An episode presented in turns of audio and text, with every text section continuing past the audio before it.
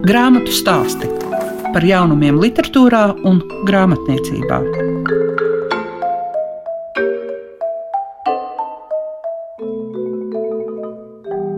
savu skanējumu sāk grāmatu stāsti. Un šīs dienas raidījumā, ko kā parasti veidojas Liega Piešiņa, jūs dzirdēsiet Lindu Nemieru. Viņa stāstīs par grāmatu Svēto laiks, un šeit rakstniece pievēršas gan mistikai, apvieno to ar mūsdienu realitāti un senlaiku notikumiem. Savukārt Reins Rauds ir jau latviešiem labi pazīstams igauņu rakstnieks, jo mums ir iespēja izlasīt gan perfektā teikuma nāvi, gan rekonstrukciju, gan tagad arī saules rakstu. Grāmatu stāsti programmā Klasika. Kafejnīcā pēc izdzertas kafijas un teijas krūzes grāmatu stāsti apburs ar Lindas nemieras jaunāko grāmatu. Linda grāmata, kas tos, kuri dzīvo pie Rīgā, dara tādus mazliet bailīgus. Jā, tāds arī bija mans mērķis. Šoreiz par upuriem izvēlēties nevis Rīgas iedzīvotājs, bet pierīgas, paplašina robežas. Tātad grāmatas svēto laiks, tas ir principā tāds nedaudz traģisks mīlas stāsts, mistika tika stāsts par biznesa sievieti Žannu, kur nokļūst neapskaužamā situācijā. Viņa ir spiesta meklēt patvērumu pierīgā, kādā jaunajā pamestajā ciematā, tukšajās mājās. Tur viņa sastopās ar eh, netik parastiem, ierastiem kaimiņiem, kas apdraud ne tīri viņas fizisko eksistenci, bet drīzāk tādu dvēselisko stāvokli. Un, tā tur ir daudz šausmas, tur ir eh, noslēpumi un tur, kā jau es teicu, mīla. Man ir tāds sajūta, ka jums savās grāmatās ir nepieciešams vismaz, nu labi, es neteikšu 50% mistikas, bet nu, mistikai tur ir jābūt nu, diezgan jūtamai. Jā, jo tas ir tas, kas mani pašu saista dzīvē, es arī savā ikdienā cenšos saskatīt kaut kādus noslēpumainus apstākļus vai notikumus vai kādas zīmes.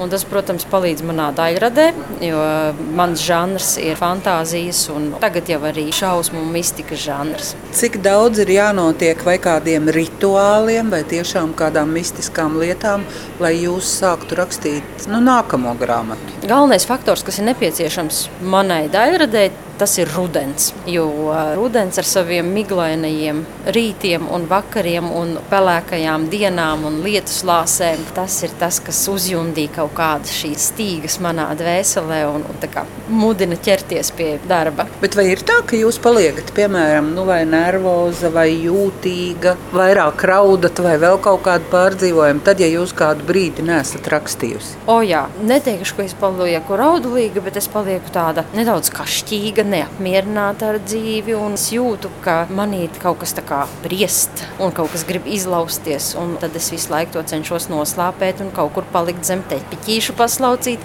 bet nu, tad vienā brīdī ir jālaiž vaļā, un tad ir jāķerās pie darba un jāsāk rakstīt, jo citādāk cieši mājnieki, cieši visi apkārtējie no manām garstāvokļa svārstībām. Lūk, kā, jā, tas ir tāds tā kā, nobriešanas process grāmatai. Šīs grāmatas varone viņu galīgi nevarētu nosaukt par pozitīvu. Un pirms ieraksta es jums arī teicu, ka es īsti nenoticu grāmatas beigām, jo viņa tā kā labojas. Kā jūs nonācāt tieši pie šīs varones, pie šīs žanras, jo viņa ir spēļu atkarīga, viņa ir, nu es gribētu teikt, varas kāra. Un viņa ir uzņēmēji? Nu, viņa ir tāda tipiska maita, kas acīs smaida, bet pie sevis var nodomāt visas negantākās lietas. Patiesībā žānu rakstīt bija ļoti interesanti, jo es no sev no dvēseles dziļumiem izvilku pašas tumšākās, slēptākās stīgas. Tagad bieži vien man lasītāji sūta atsauksmes. Nepatika Žāna, Žāna slikta, Žāna maita, Žāna tā padomāja. Es domāju, bet mēs jau visi, tādi, jā, nu mēs nevienmēr esam tikai tur saulītas puķīši, puķītes un kaķīši. Nu, katrs mēs esam kaut ko nejauku padomājuši, bet vienkārši tas notiek mums iekšienē, neviens to nedzird un neredz. Un šeit nabaga žannas tā kā netīrā veļa tiek izvilkt saulītē un visi to redz un var to izlasīt uz papīra, ko viņa tajā brīdī ir padomājusi. Nu jā, jo mēs jau parasti tomēr esam pieraduši par atkarībām, vai no tas ir no spēlēm vai no alkohola, mēs esam pieraduši tādā gadījumā rakstīt par vīriešu kārtas pārstāvjiem. Jā, vīrieši šī ziņā varētu teikt, ir tādi atklātāki, vai viņi necenšas tik ļoti to slēpt. Varbūt arī sabiedrības attieksme pret vīriešiem, kas ir atkarība vairāk, ir tāda nu, žēlsirdīgāka. Jā, vairāk tāda pieļaujoša. Sievietei tomēr tā latiņa ir augstāka. Un sievietes vispār māk visu labāk noslēpt un notušēt. Un pastieties, cik mēs veiksmīgi ar make-up rīkojamies. Uzliek kosmētiku pilnīgi cits cilvēks. Tā kā mēs jau šo spēju maskēties, mēs pārnesam arī uz citām dzīves jomām. Tāpēc tādu atkarīgu dzīvesveidu mēs labāk mākam notušēt. Ir sevišķi situācijās, kad aiziet kādi mūsu tuvinieki vai tuvi cilvēki, mēs domājam par to pārdzimšanu, par to, kā viņi var pie mums atnākt kādā citā veidolā. Cik daudz jūs par to arī domājāt šīs grāmatas sakarībā, jo nu, tādas līdzības, šīs mistiskās situācijas mēs gana daudz varam izlasīt. Nu, romāna darbība norisinās oktobrī, veļu laikā. Arī tāpēc tas nosaukums - Svēto laiks, veļu laiks, tuvojās visu svēto vakars, kas ir oktobra beigās, un šīs reliģiskās saistības un latviešu pagāniskie rituāli, nu, ka man tas tā arī to visu veidoja, un arī tas nosaukums no turienes viņam arī kājas aug, nu, tāpēc tas svēto laiks traumatiski notikumi, kas cilvēkam pagātnē ir, viņi bieži vien atstāja atvērtas durvis. Par šīm durvīm var ienākt jā, šī atkarīgie dzīvesveidi, ja, azartspēles, alkohols, narkotikas. Un tai pašā laikā var arī kaut kādi pārdabiskāki spēki ienākt pa šīm durvīm. Kristieši uzskata, ka tie ir nelabie, ka tie ir kaut kādi dēmoni vai velns. Latvieši pagāni arī tāpat uzskatīja, ka šīs mirušo dvēseles aizmirsušās un aizgājušas aizsaulē, ka tās var caur šīm durvīm ienākt. Un, jā, es vairāk skatos šo kā traumas atvērtas durvis. Kopā ar bērnu grāmatām ir 12 grāmatas iznākušas. Ko tās grāmatas jums pašai ir iemācījušas? Pacietību galvenokārt. Jo, lai uzrakstītu grāmatu, un nu, teiksim, idejas jau ir, bet nu, tev vajag to atrast to laiku, tev vajag apsēsties un nomierināt prātu un savu to satraukto dzīves ritmu nomierināt un iedziļināties. Jā, galvenokārt man iemācījuši pacietību.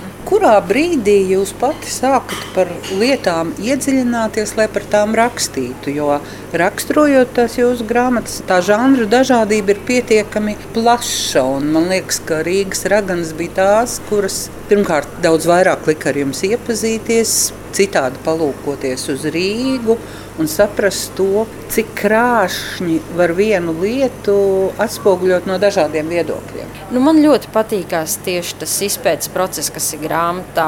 Un citreiz pat ir kaut kādi mazi sīkumi, viens teikums, kas ir jāuzraksta grāmatā, bet es vēlos to izdarīt tā pamatīgi, gruntīgi, lai lasītājs noticētu. Un citreiz tās izpētes stundas, kas ir ieguldītas vienā teikumā, viņas ir daudz, daudz vairāk nekā pat tas teikums varbūt izsaka. Bet man šīs detaļas ir svarīgas un eh, es izbaudu to procesu. Tā ir daļa no tā visa prieka, ko sniedz grāmatu rakstīšana. Ja es tagad teikšu, ka grāmatu rakstīšana jums ir kā adrenalīns, tad jūs sakāt, drīzāk kā mani baldarjāņi.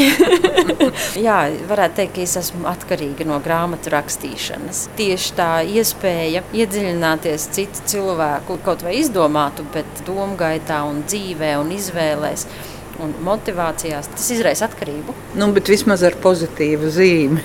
Jā, šī gadījumā vismaz ir pozitīvs kaut kas. Mēs dzīvojam laikā, kad ir literārā akadēmija, kad Inga Žolude aicina gada laikā var iemācīt, uzrakstīt grāmatu. Tagad arī Norikstena tūlīt, tūlīt sāks mācīt savējos. Un Inga Žalude stāstīja, ka viņas kursanti, sauksim tos tā, ka viņi ir atzinuši, ka viņi sākuši daudz vairāk lasīt mācoties rakstīt, viņi daudz vairāk lasa. Kā jums ir ar lasīšanu? Oi, es lasu daudz. Jā, tā ir mana otra lielākā atkarība pēc rakstīšanas. Tā ir lasīšana. Varbūt teiksim, ne, drīzāk tā ir pirmā mana atkarība, pati, pati pirmā. Es lasu daudz, un tad, kad top jauna grāmata, tad arī, protams, šie izpētes materiāli tiek daudz lasīti. Bet citreiz arī, lai uzdabūtu kaut kādu īsto noskaņu, tad arī attiecīgi literatūra tiek piemeklēta tāda ne tik daudz, varbūt, kā lai tur smeltu gados kaut kādu iedvesmu vai kaut kādas noskaņas noķertu, bet kā, lai savu prātu noregulētu, nomierinātu.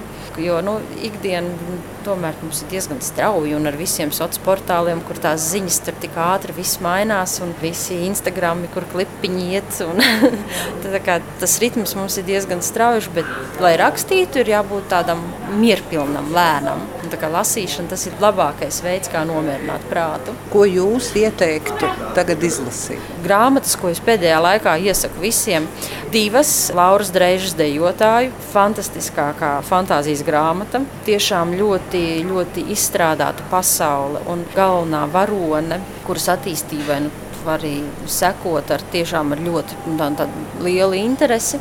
Un tad ir tāds burvīgs rakstnieku duets, jaunas rakstnieces, Znotiņa un Zandberga, un viņām ir Rubīnas lapsas medības. Man ļoti patīk, tur gan darbība norisinās Londonā, nevis manā mīļajā Rīgā. Bet Londonas tas gotiskais šarms un tas detektīva elementi nu, tiešām ļoti aizraujoši lasām viela. Tā tās divas grāmatas pēdējā laikā visiem iesaku. Grāmatu stāsti tiem, kam grāmatu lasīšana ir vērtība.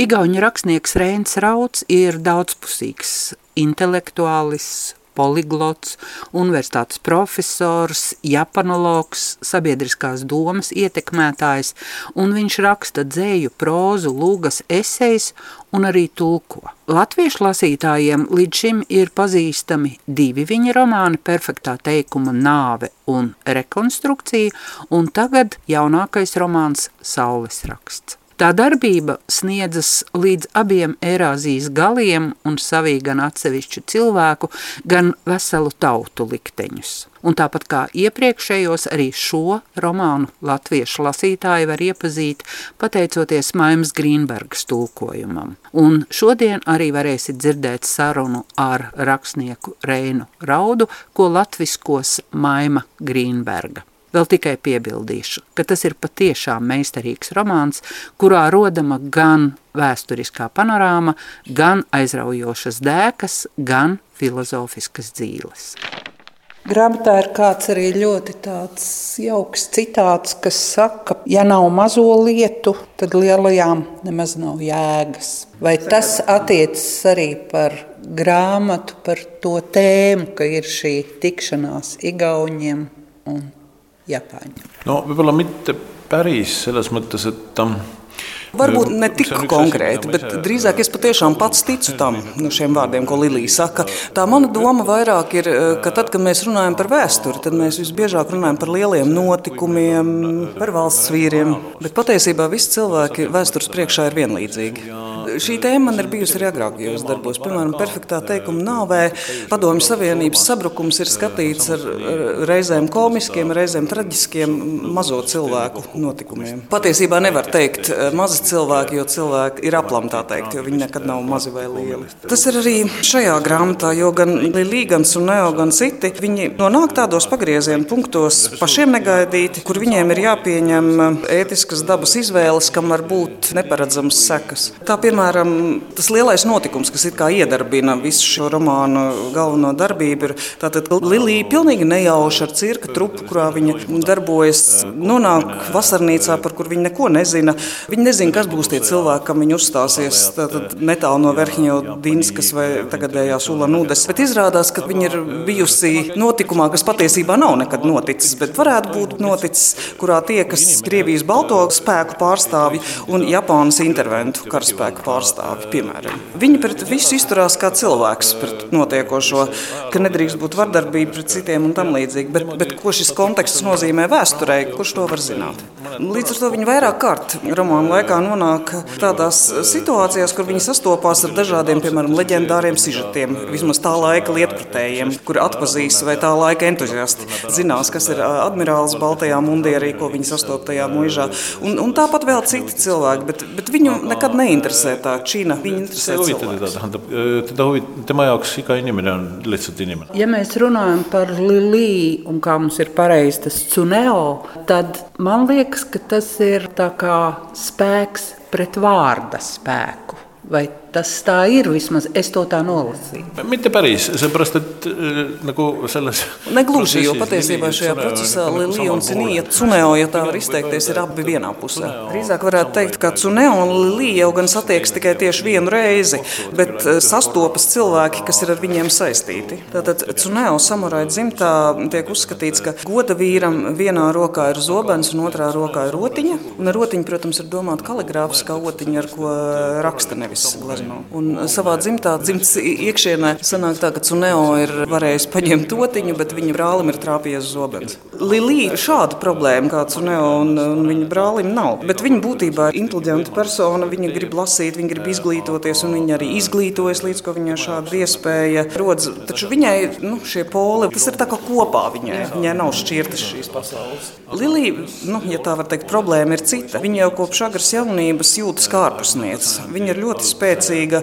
Viņa nekādi neiedarās 20. gadsimta sākuma skaistās sievietes tādos ideāla rāmjos. Un savā ziņā viņai ir arī veicies, ka viņa visu laiku arī ir ārpusē, gan Krievijā, Cirkā, gan Ķīnā, gan Japānā. Un sanāk, ka tā ārpusniecība tā ir viņas vieta. See väljaspoolne ongi tema koht, nagu tema õige koht. Es gribētu salīdzināt to jūsu grāmatu ar tamborējumu. Ar tamborējumu, kurā ir daudz tādu dažādu iestarpinājumu, jo tie varoņi, kas tur parādās, vai tā ir tā ļenočka vai, vai vēl, viņi ir ļoti krāšņi. no mul endal on rohkem niisugune tunne, et ma olen võib-olla. Man pašam ir nedaudz cits sajūta. Es iespējams, ka es visvairāk esmu iemācījies rakstīt, klausoties klasisko mūziku. Jo arī, arī tur sarežģītā skaņdarbā ir daudzas tēmas, kas uh, apvienojas, šķiras, dažādas nokrāsas.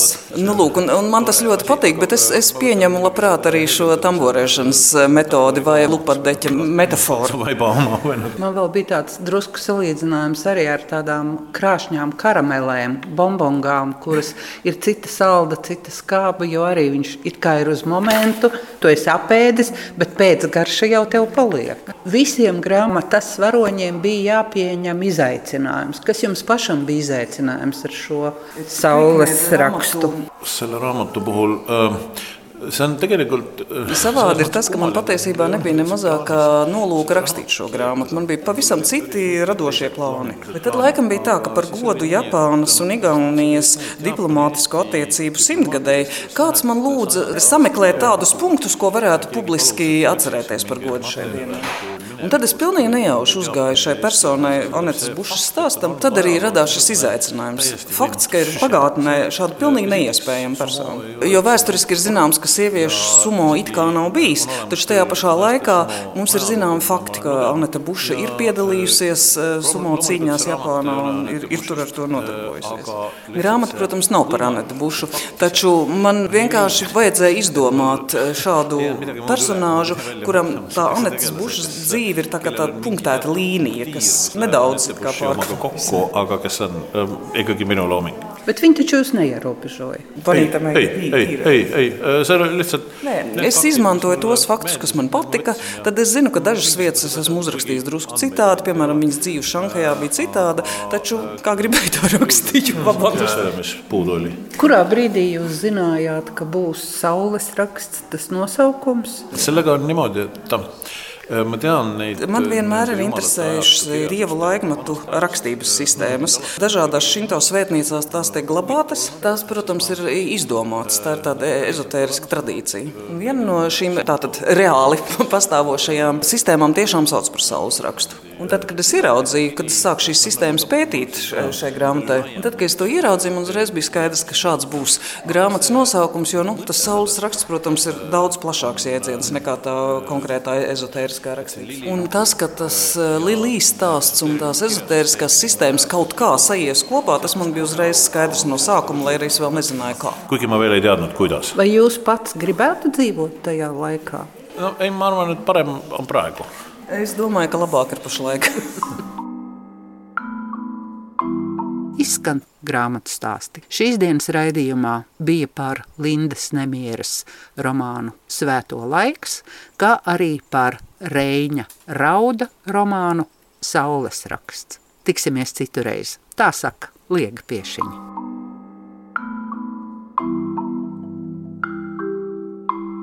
Grāmatu stāsti par jaunumiem literatūrā un grāmatniecībā ik trešdienu, 9.5. ar atkārtojumu Svētdien, 18.15.